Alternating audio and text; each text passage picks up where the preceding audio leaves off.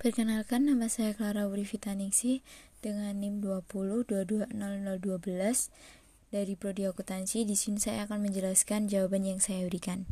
Yang pertama yaitu jelaskan yang dimaksud dengan paradok produktivitas.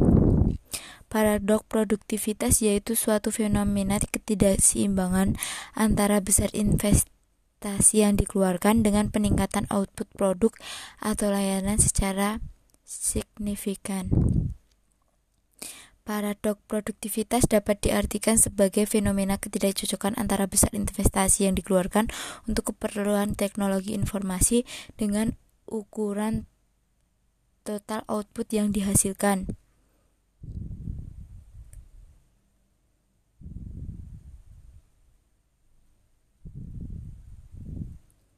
Yang kedua, jelaskan peranan teknologi informasi bagi perusahaan.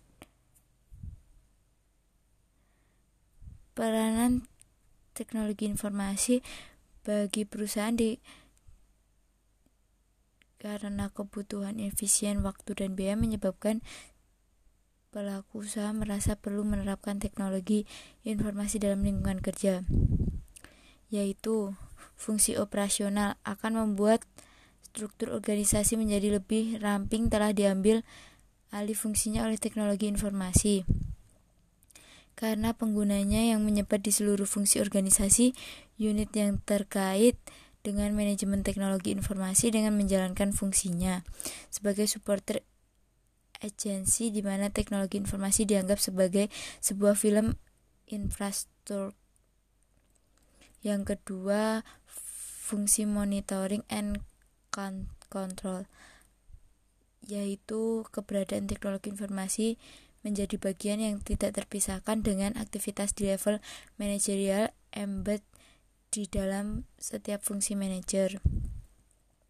Sehingga struktur organisasi terkait dengan harus terkait dengannya harus memiliki span of control atau relationship. Yang ketiga, fungsi planning and decision mengangkat teknologi informasi ke tataran peran yang lebih strategis lagi karena keberadaannya sebagai penyedia dari rencana bisnis perusahaan dan merupakan sebuah tambahan informasi bagi para pemimpinan perusahaan. Empat fungsi communication yaitu prinsip termasuk dalam film infrastruktur.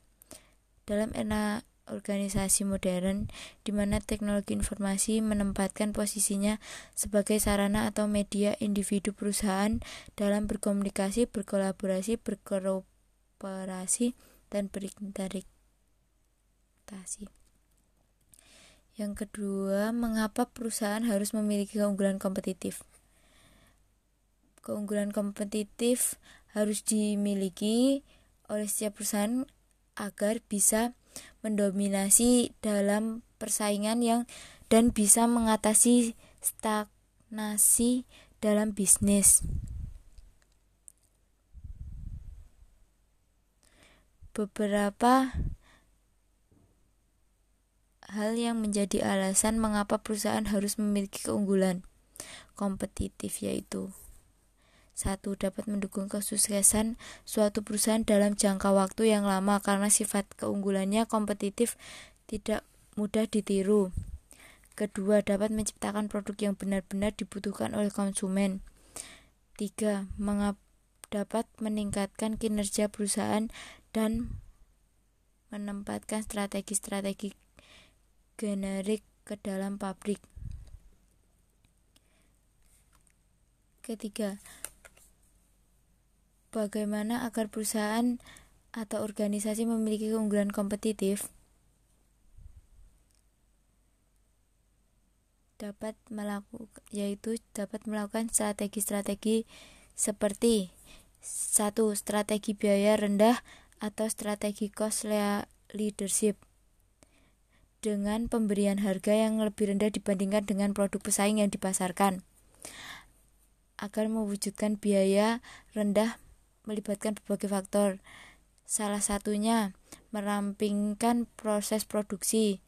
Kelemahannya, perusahaan hanya menentukan keuntungan lebih minim.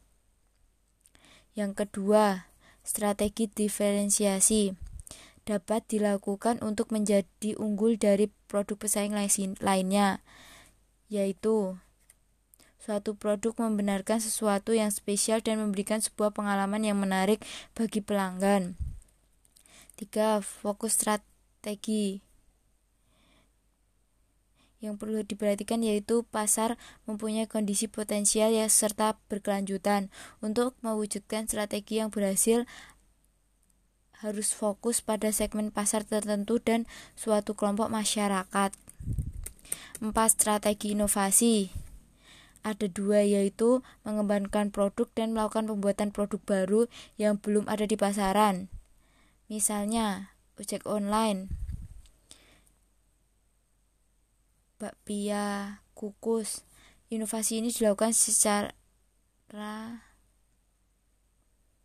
agar melakukan agar melakukan di bidang makanan dan transportasi.